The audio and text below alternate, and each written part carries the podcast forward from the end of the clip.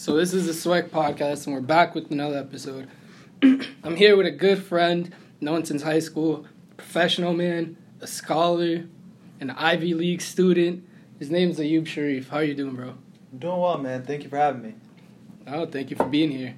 So, for those who don't know you, let's start from the beginning. Where are you from? Well, I'm originally from from Somalia, um, but my family, you know, lived in Kenya, and that's where I was born. Um, moved to the country, well, the U.S. when I was real young, about a month old. Um, we lived in Boston for a little bit, then moved around a little bit. Lived in in Nashville, lived in Portland, Maine, um, lived in Chelsea for for a little bit, but but have been living back in Boston since 2006. So like, for the most part, grew up in Boston. Went through Boston Public Schools from, you know, elementary school all up until graduation, high school. Yeah, so I had met you in high school at Boston Latin Academy, which a lot of my podcasts say that, but you know, um, but for those, I think you have a really interesting story, and you've had a lot of success, even though you're still very young. And I think when I first recognized a lot of your success was through your scholarships and through the achievements that you've had. Can you kind of talk about like the scholarships and achievements that you've had so far? Yeah, um, most definitely. I've been, you know, fortunate enough to receive a couple scholarships, you know, during my time at, at BLA. Um, specifically, like like senior year, um, early senior year. You know, I applied to a couple of scholarships. The first being the Questbridge National College Match Scholarship, which essentially matches you know low income, high achieving students um, to elite colleges and institutions. Um, so they have like the financial resources to to attend those institutions. Um, they kind of wanted to eliminate the barrier um, that that faces that kind of deters a lot of low income students from you know achieving their full potential. Um, you know, I applied to that program um, September of of senior year. Um, found out around October, late October, that I was a finalist. You know, I'm I ranked various schools, um, in Dartmouth College being one of them, and then you know December first, you know, rolled around and I got accepted to to Dartmouth. Um, the way the program worked was if you got accepted to the school, you kind of committed to the school, um, and the school was committing to you know paying for for you know the majority of, of the costs associated with attendance. Um, after that, um, I heard of the Gates Millennium Scholarship from a good friend of mine um, who you know received the scholarship a couple years before I applied for it, and I applied for it. Um, I believe around January. Same with the the Earl Woods Scholarship from the Tiger Woods Foundation, and you know those scholarships have been uh, instrumental to allow me to attend Dartmouth, specifically the Gates Millennium Scholarship, because the way that scholarship is is structured is that it pays up to ten years of schooling. Um, you know, all of undergrad and graduate school funding in specific areas, um, excluding like professional schools like you know medical school, business school, law school. Um, but that scholarship definitely opened a lot of doors for me in the sense of not only not worrying about the financial responsibility of attending school, um, but connected me with resources and expanding my network. Um, you know, I was able to attend a conference my freshman fall at Dartmouth um, with all of the the Gates Scholars east of the Mississippi, um, which was really a good experience. Um, connecting with them, you know, having that shared um, sense of experience, you know, growing up and just able to learn from them and just connect with them and you know, build connections that last throughout college. And then finally, the third scholarship just being the Tiger Woods Foundation.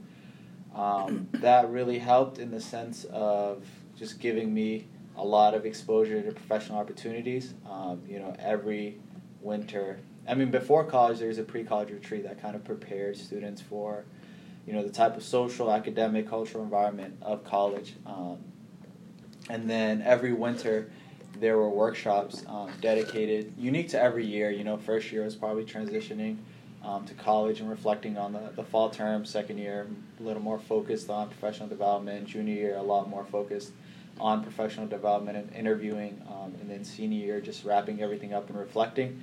Um, and that scholarship um, not only gave me a mentor that, that guided me throughout the professional field, um, but also provided me with you know another stable group of of friends um, that I've been able to lean on over the years, um, and definitely made my college experience worthwhile. So you mentioned a few scholarships, and you mentioned achieving them while you were in high school as a senior. So now, four years later, almost about to finish college, what do you think the biggest benefit you received from these scholarships? Yeah, I think the first, um, you know, it's easy to say the financial burden that's been lifted from my family. Um, just coming from a lower income background, um, I knew my family couldn't necessarily afford to go to for me to go to an institution like Dartmouth, um, you know, Dartmouth costs like around seventy thousand dollars a year, which is a lot. Um, so just having that burden lifted was was incredible. Um, and then after that, I would say the most significant aspect of it was having that that network of of similar um, individuals who you know shared similar experiences with you growing up, um, and you know share similar challenges in the near future, and you guys are able to, you know, bounce ideas off one each other, support each other, um, and help each other grow in many ways. Um, and then the third just being the access to resources, where you're able to not only feel included in, in elite spaces that previously, you know, people of your kind were excluded, um, but having the you know the necessary well the necessary access to resources that allows you to thrive in these spaces. So looking back i would you know say that those were the three biggest takeaways from those experiences. So for those who are listening that might still be in high school or those who might have like siblings that are going into high school or still in high school what advice do you have for them trying to obtain these type of scholarships or just advice in general and trying to, to achieve um, and higher education and things like that and trying to achieve at higher levels? Yeah, I would definitely say the first being um, to seek help. Um, it's difficult a lot of the time seeking help as a young person because you feel as if you aren't as you know capable as those around you who are succeeding, and it seems as if they're not getting help. Um, so you might feel discouraged, um, but it's important to know that you know everyone needs help at some point um, down the line. So the earlier you seek it, the better prepared you are for the future. Um, I know for me at least, I wouldn't have been able to to receive those you know unique opportunities without the people around me um, and me asking them for help, asking them for guidance, um, asking those who you know took the path before me for guidance um, on how to navigate the world um, specifically with college admissions, I had a, I had a mentor who you know essentially reviewed my essays, reviewed, um, well helped me with the interviews, uh, preparing for the interviews, or helped me with just crafting the best narrative to to share with these institutions. Um, so I would say definitely seek that help, be eager, be be honest. Um, with yourself and, and be intentional. I think being intentional is very important. Um, figuring out what you want to do, what you want to accomplish, why you're applying to these different programs, um, why you're applying to these different schools, what you hope to gain from it, and then from that, um, you know, taking the necessary steps to craft the best narrative or version of yourself.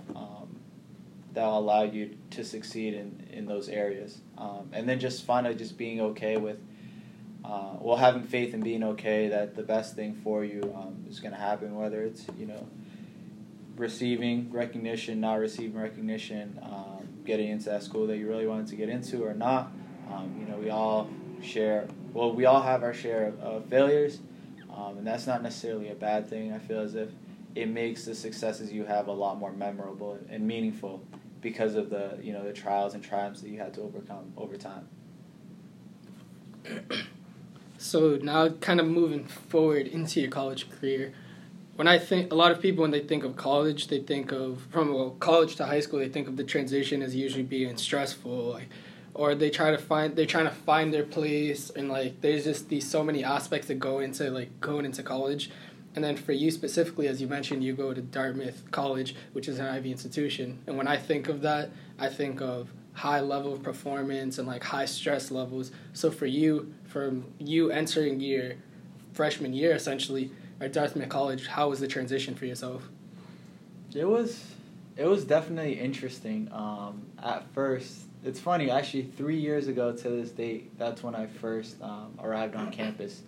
Um, and you know, a lot of the times when freshmen arrive on campus, they attend what they call first year trips. Um, you know, it's a trip with five or six other first year students, led by a couple upperclassmen, and you know, you do a couple of you know, there's a wide range of different trips to go on. I went cabin camping, um, and we went into the woods and just stayed in a cabin, hiked a little bit, went swimming a little bit for, you know, about a week. Um, and in that week, you know, they take your phone away. Um, you're kind of forced to connect with them, with the other students, and you know, a lot of people at, at my school believe that those, well, that trip um, and that experience has been very meaningful to their transition. Um, for me, it was a little difficult just coming from an urban environment and then going into a rural, you know, town, a very small town. The population was like eleven thousand, um, and then at first it was difficult just transitioning into that. Um, but I would say, thankfully, I'm I'm a little more adaptive um, than than um, most people who have difficulties, you know, transitioning from the urban to the rural environment. Uh, but I would say academically and socially, um, the transition was a little lightened through um, participating in a pre-orientation program um, called the First Year Student Enrichment Program, and that program essentially helps uh, first generation students, you know, get more acclimated into the Dartmouth campus and, and culture before classes start and before orientation actually, and um, a lot of the, the different times there are workshops on you know like mental health and wellness or you know we're attending lectures crash courses on different topics taught by dartmouth faculty which kind of gives you an idea of the rigor um, at a place like dartmouth and then a lot of the times there's like team building exercises getting to know the other people the other first generation students who might share similar anxieties and and issues and challenges um, that lie ahead as well. So that was that helped a lot. Uh, but i would say you know, even with all the preparation, it it didn't fully ease the transition into Dartmouth just because you know coming from a school like BLA, you know, it took advanced placement classes to help gauge or have an idea of the type of classes that lie ahead in college, but still when going into college, going into like a 10 week term, um, it can get challenging. And I would say that I front loaded a little bit going in because I wanted to to study computer science. I took um, you know intro to computer science um, and a couple other courses that that weren't the the the easiest you know course load, um, and that made it a little difficult to transition because I felt like I spent a lot of the time um, trying to catch up um, with the courses and and the rigor. Um, but once you know the winter came along, um, I was a lot better suited to to adjust, you know, my study habits and and things of that sort to best suit myself to, you know, be successful in the long run. But it was definitely a journey with a lot of ups and downs. Um, a lot of the times, you know, the highest points are followed by a low one um, academically. So it's definitely a challenge, and I'm excited to go into senior year because I feel as if it's going to be a combination of, you know, all that I've learned over the past three years and all those experiences to, you know, best close things off, um, you know, from my undergraduate career. So I've I've seen, um, I guess, like a growing trend in the past couple years, especially on social media, of people discussing um, their feelings and attitudes towards their college institutions, specifically referring to PWIs or predominantly white institution. And as you, a person of color at a PWI, do you think there's like a barrier within going into these institutions? Do you think like attending a PWI has affected you in any way or anything around that realm? Yeah, um, I would definitely say that that has also been a challenge for you know many of my peers, myself included, as a African American attending um, Dartmouth College. Just not only the history of the institution um, and like the the legacy of um, you know, racism and, and prejudice. Um, but even my freshman fall, per se, um, when we went in that was all you know around the same time of the BLM movements happening across the country, and we had a protest at Dartmouth um, on the campus, and in that fall, um, you know, a lot of different groups of students came together and, and were protesting against a lot of the injustices that were happening across the country. And it wasn't until that moment that I realized how hyper well, yeah, hyper visible um, our race was in a space like Dartmouth because, you know, going in, a lot of the reputation that Dartmouth has, you know, in relation to the Ivy League is that, you know, it's the smallest one, but it's also somewhat a lot more conservative than the other ones. Um, and across the board, like these these schools are very conservative, um, just based on the types of people that, that go to the school. But you know, I didn't really feel that until you know in this moment of chaos and how the campus reacted to those events um, and the backlash that was felt by you know the African American community, um, which made me a lot more aware um, of how microaggressions function within um, these specific spaces. Um, and it was interesting because, you know, as an African American male, like I, you know, f- from time to time feel these microaggressions, but it's clear that it's not felt equally across um, the race, more specifically like women of color who feel it a lot more frequently and a lot more aggressively than um, black men um, on the campus, which is really interesting to see. Um, and it just made me a lot more intentional about community and building community and, and finding um, or creating spaces um, where people can come together and, and feel valued and welcome and just understanding that they also belong in these spaces. Um, such as Dartmouth, such as the other institutions, PWIs across the country. Um, but it's a long process, you know. People have been doing it before I got to Dartmouth. People have been doing it while I'm at, while I've been at Dartmouth, and you know, more than likely people are going to continue doing that. Uh, but it's just having that, you know, stamina and not lacking that institutional memory to to understand that, you know, there's a lot more work to be done. Um, but it definitely made me a lot more aware of these specific social issues and also how my own identity fits within the broader scope of you know the community at large. So you mentioned you want to help, or you've tried to help and facilitate like safe spaces for other people and other communities within your institution. And usually, when I hear people speak about these type of like events or things that they try to do, it's usually facilitated through groups or organizations on their campuses. So, can you kind of talk about your participation in groups or programs or organizations on your campuses and help and how they've helped you facilitate through these and how they've helped you grow as a person as well? Yeah, definitely. Um, I would say, you know, the just starting off, um, just be absorbing a lot of the different um, energies that happen on campus. You know, just coming in freshman year, just trying to be as involved in a lot of different environments to see where you fit was essential. Um, you know, early on, I got involved with the Men of Color Alliance, and we had weekly um, discussions just regarding what it meant to be like a male of color um, in America in these at Dartmouth, um, and just steps we could take to support each other. And I think that was a good framework um, for you know future discussions regarding what it means to be like a, a men of color in this in this country. Um, and then after that, I got a little more involved with, you know, I participated in the first generation, you know, pre-orientation program. I got involved um, with the first generation. Well, it continued into like freshman year. It was more like a student group, but it wasn't necessarily like titled the student group. It was more like a program. Um, and we and I helped organize, well, at least the Dartmouth delegation that attended the the first generation inter Ivy conference, um, and it was held at Harvard my freshman year.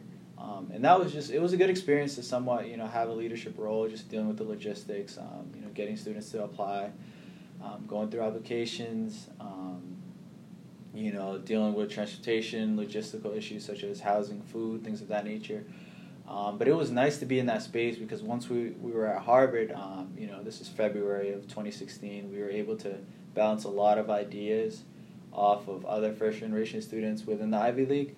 Um, that gave us an idea that we weren't necessarily experiencing these issues alone, um, and people have been wrestling it with their on their campuses in their own specific ways, uh, which is really interesting and humbling to see because we were able to you know bring back some of these lessons learned or some of these tactics to make Dartmouth a lot more inclusive um, in nature for this this um, this community or this group of people, um, which is really nice because some of the the you know tactics were implemented by the administration, which was very great to see. And then after that, um, I would say you know I was involved you know continuing for the men of color with the overall like African American society. Um, and just going to general body meetings and trying to be a lot more active within that community, going to events and discussions about um, various issues um, regarding the black community.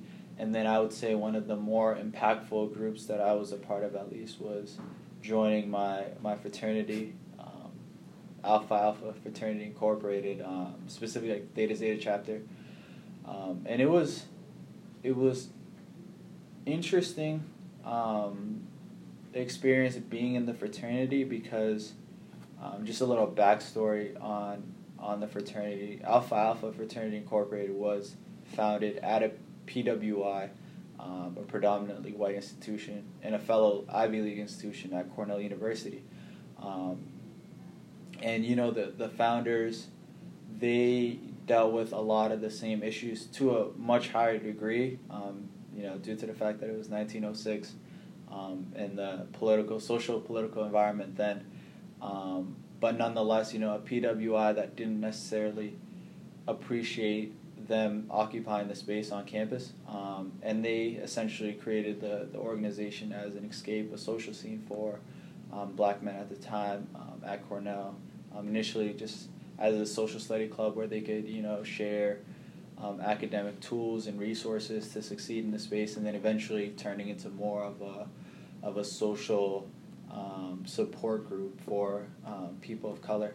Um, and then just seeing how that legacy manifests itself within Dartmouth is really interesting because a lot of those similar issues, you know, at a different degree of intensity, um, nonetheless, but they still permeate the campus, um, which shows that the organization, um, you know, founded on the the the aims of manly deed, scholarship, and love for all mankind still functions and still should be integral in these spaces. Um, and just you know being in that position where the first objective is to, to serve your community um, is humbling in many ways and just having that background or having that role as a servant leader allows you to learn a lot about not only community um, where you fit within community, but currently where the community stands in various um, pain points where you could, you know, find opportunities to improve the community. And then um, a lot of times we do it through programs um, and through events, um, but overall just a holistic approach to improving the the environment for black students. Um, but it was a meaningful experience because, you know, like helping out with the First Gen conference, it put me in a position where I had to assume um, some onus and responsibility to help those around me and build community in a more efficient and effective way. So you mentioned the last or the most impactful organization that you've been a part of thus far in your in your college career has been joining a fraternity, and I often hear that there's negative connotations that come with the idea of being part of Greek life, whether it's a fraternity or a sorority. And I'm pretty sure you've definitely heard of it, especially now that you're a member of a fraternity. Can you kind of speak about some of the the negativities or the myths that you hear in regards to fraternities and kind of try to debunk them? Yeah, um, I would say that um, you know the the first. I don't want to necessarily consider it a myth because it a lot of it does hold truth is that fraternities, you know, just function as a space where you know people party a lot, um, and just care about um, themselves, um, very exclusive in nature.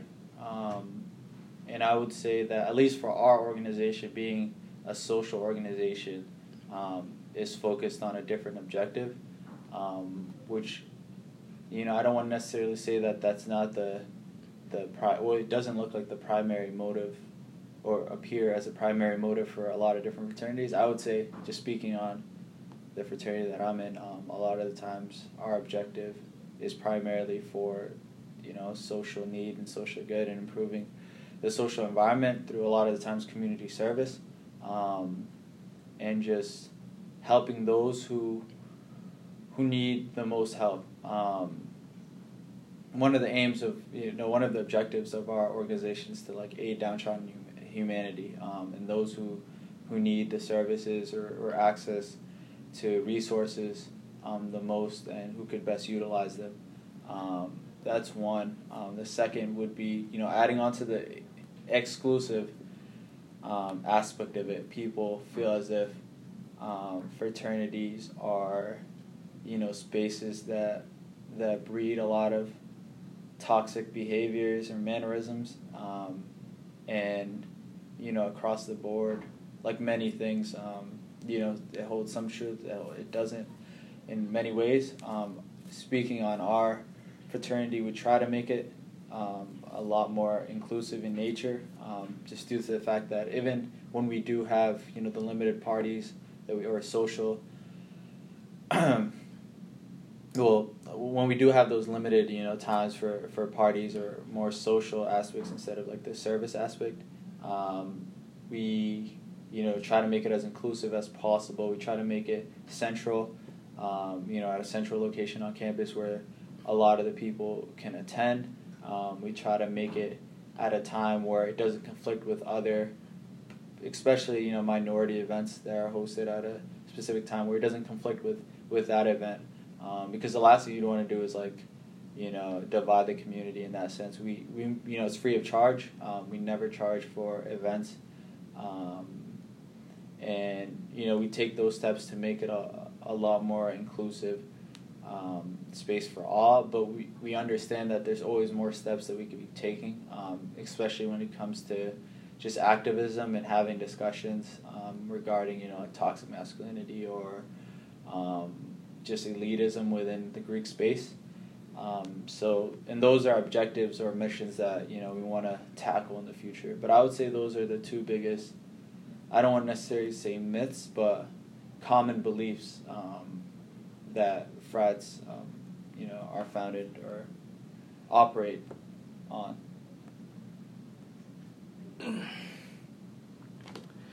So, you've talked about a lot of things. You have a lot of accolades as you've spoken about, and you've been a part of a lot of organizations and programs that have probably been instrumental to the impact of a lot of people.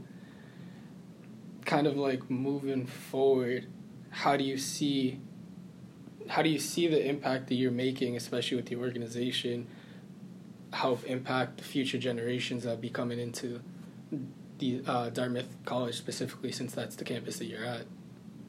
Yeah, um, I would say that at least for are you speaking specifically for the, the fraternity or?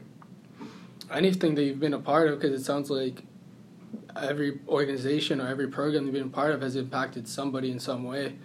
Yeah, um, I would say that the most meaningful impact that I could have would just be to, you know, pay it forward. Um, just considering the fact that, you know, there were a lot of people who helped me get to where I was um, and helped me um, feel a lot more comfortable in the spaces that I navigate currently on campus.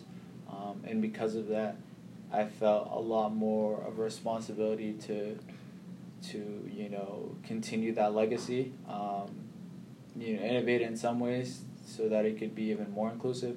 And I would say the best way that I could um, continue that or looking forward would be to, help people not only realize that this is a place where they could um, you know, exist, but not only exist, but thrive in. Um, and then um, understanding that it doesn't stop with just them, that they have, um, you know, whether they want to or not, have a responsibility to, to pay it forward um, and just somewhat helping them realize that they have those capabilities and um, skill sets and access to different mentors or resources where they're able to continue the, the legacy that you know started from when you know black people were just um, people of color in general were accepted in you know Dartmouth. Um, so just continuing that legacy and making sure that you're able to do more um, to help those who, who need the help the most.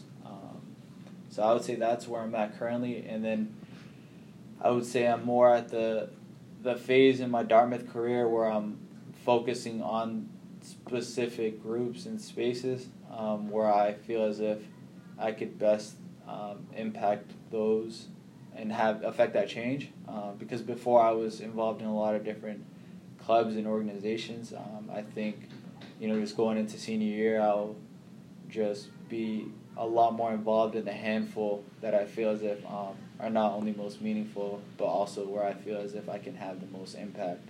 Um, my last year at Dartmouth.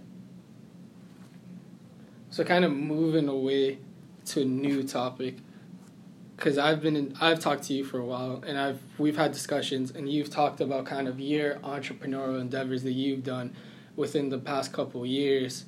Um, I don't know if this is something that you can speak about, but if not, could you at least speak about kind of like the mindset of an entrepreneurial person and kind of what it takes to to to be an entrepreneur? Because I feel like a lot of people like the idea of it, but they don't necessarily realize what goes into it, like the logistics and all the background and hard work that goes into it. Yeah, um, we definitely had these conversations a lot, and I there's a specific quote that you said that kind of stuck with me after it was. And we were having a conversation, you know, talking about entrepreneurship, and you mentioned, you know, your inspiration or desire to you know, start this podcast, um, and how you were under the the premise that to be an entrepreneur is to expect failure and yeah. to expect that you know maybe the first second third you know x amount of projects are just going to fail. And being okay with that um, personally like i've had my fair share of, of failures with um, you know starting different ventures whether it's um, you know early on and just you know starting out just developing an idea and just scratching it because I'm like, okay, this is not feasible, or you know, even getting to the pay, getting to the stage where you're prototyping different products and you're just like, you know, am I doing this for the right reasons, or um, just flat out failing um, and not having the infrastructure to support your idea, um, and just also working with different startups and seeing that again, I worked in one early on that helped connect like my freshman year um, that helped connect Dartmouth students to um, jobs and opportunities and internships that weren't necessarily available for career services.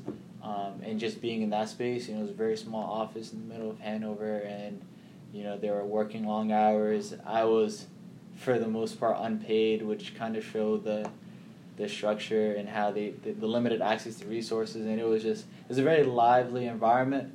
Um, which kind of you know first gave me that exposure to the type of skill set or just hustle and and you know rigor and hard workingness that you need to have to sustain that lifestyle.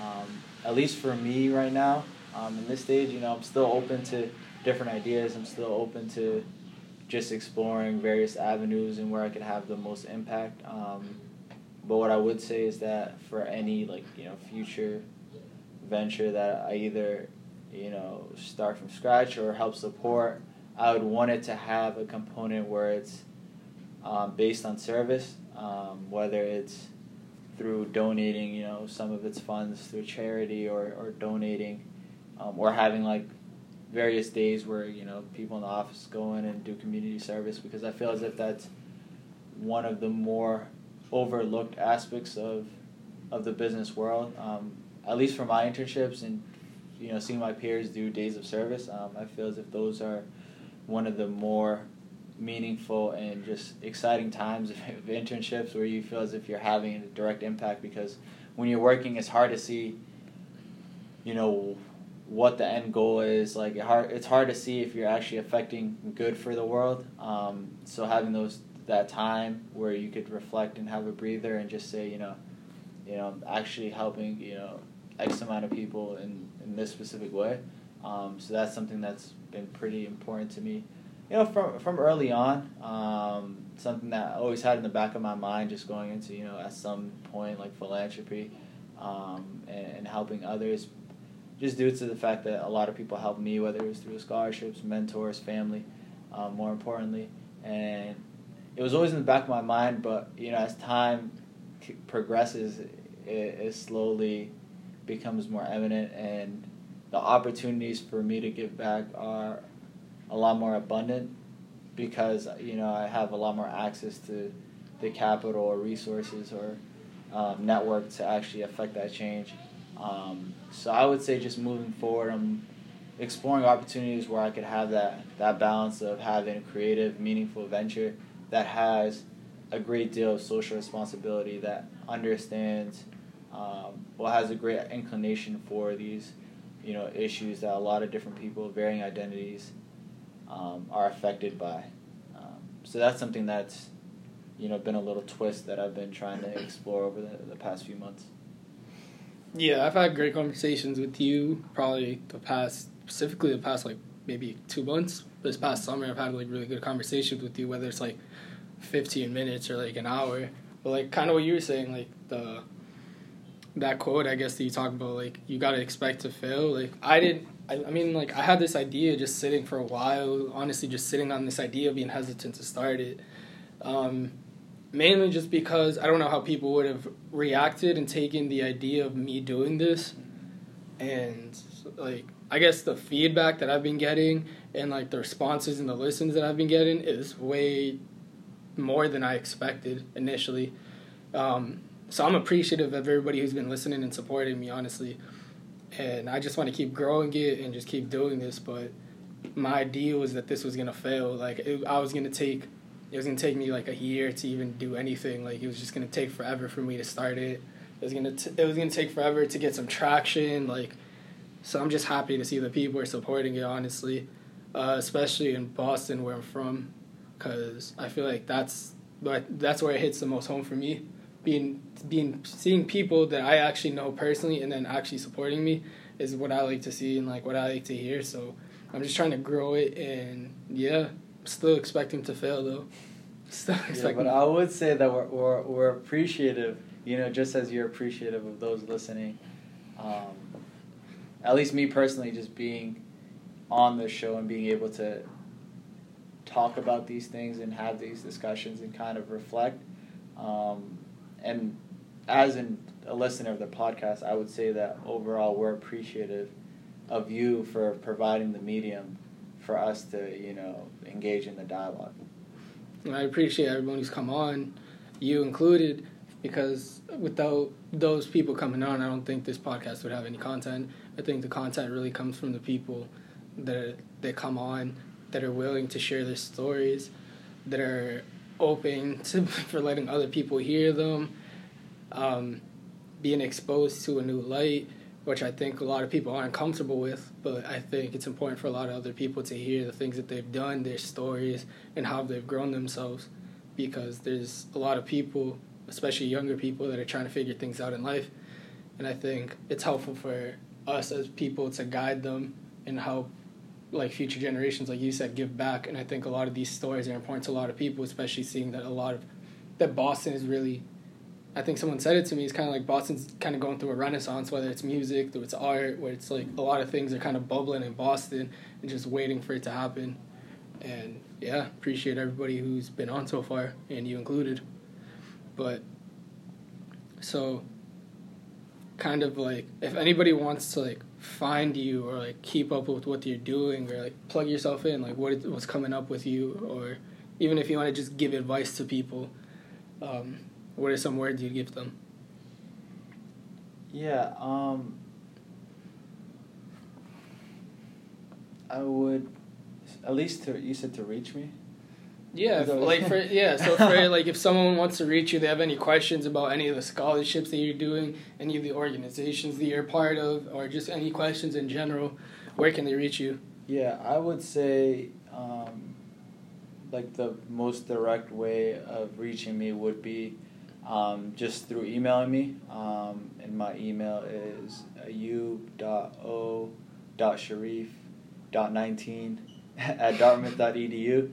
Um, and, you know, I think Chris can put that in the, the link or something. Yeah, I'll put it in the description. Um, and then I would say that a lot of the times, um, you know, when deciding what to embark on or what I want to do next, um, I think a lot about like what I want to do, um, but also if there's someone who has you know faced a similar situation or is in that role that I want to that I want to you know take on next, um, I reach out to them often, um, whether it's through going to LinkedIn and just introducing myself to a total stranger and being like, you know, I'm interested. In, I, I see that you're doing X, Y, and Z work. Um, you know, I'm interested in that.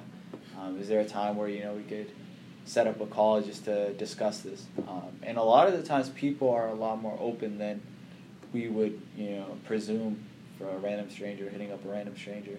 Um, so that would be uh, some good advice that, that I would give, just like being um, eager and being hungry um, for, you know, taking those next steps to better position you for success in whatever you want to do, or just um, help guide you to what your next move would be. And then looking back, I always think about. Um, now, I mentioned a lot of times that there are a lot of people who helped me um, to get to where I am, and then I think about um, the the ideal, the prototypical person that I would have, you know, appreciated if they were to have guided me um, when I was, say, in high school. Um, like the ideal person, like what characteristics would they have? Like what type of experience would they have? Um, what type of personality would they have um, to have been my mentor? Um, and then, you know, I try to somewhat occupy that role for for those um, you know who are younger, um, who need some sort of mentorship in their lives or just have questions.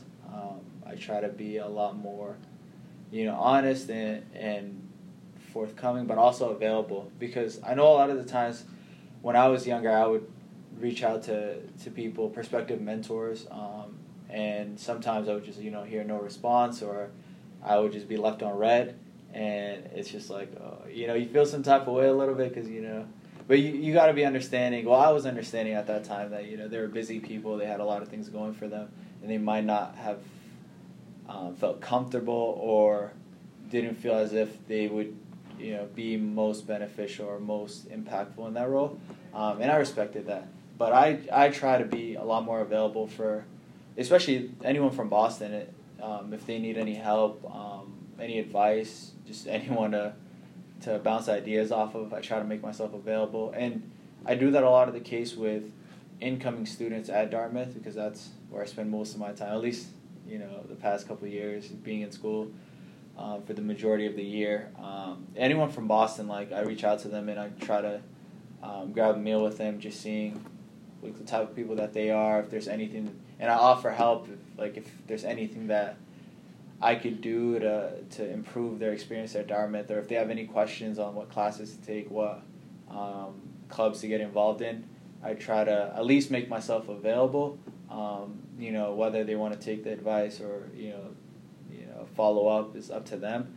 But just having that helping hand is important. So I think those are two things that I would say are big takeaways. Um, yeah, next few months are, are looking pretty exciting going back to school tomorrow. Um, you know, it's funny because it, I started off like early in the show talking about that first generation uh, pre orientation program. I'm going back tomorrow to, to be a mentor uh, for the program because um, I had a mentor when I first got into the program, and I was a mentor last year three you know, freshmen, and now I'm going to be a mentor again for, I believe, three more freshmen.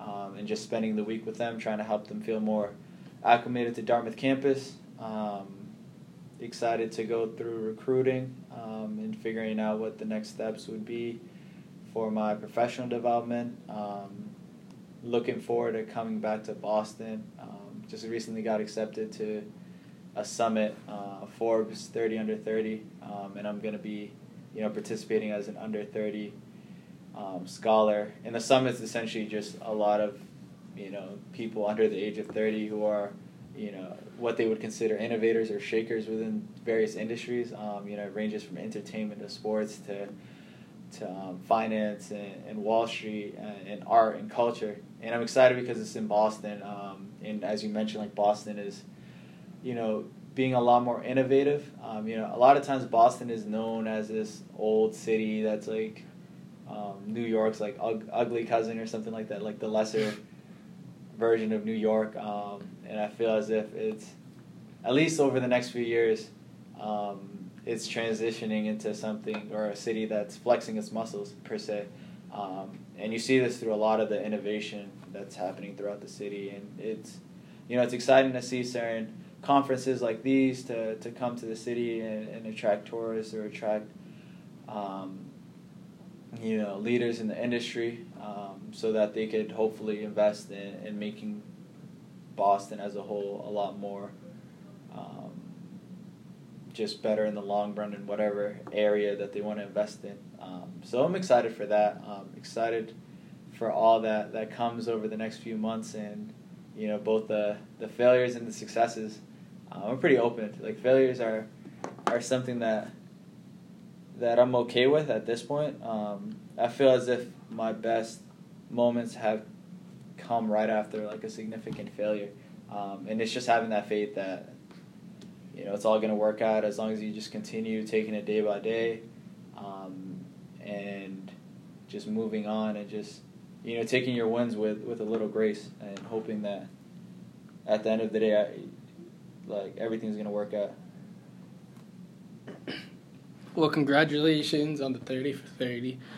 Um, yeah, you're a very rounded person. I would say you have a lot of accolades, a lot of achievements, and I think it's the advice that you've given is should be really helpful for a lot of people, especially young people trying to look forward into the future, maybe even entering college or past college. But yeah, thank you for being on the podcast. This is Ayub Sharif, a professional man, an innovator, someone who gives back to the community, a philanthropist, and a Boston native. Thank you for being on. Thank you so much, Chris. Um, looking forward to to hearing the podcast and just looking forward to the future podcasts that you have and just learning more about those who are, you know, playing their small role in making Boston a lot more inclusive and, and better for for those in it. Thank you. This has been the Select Podcast.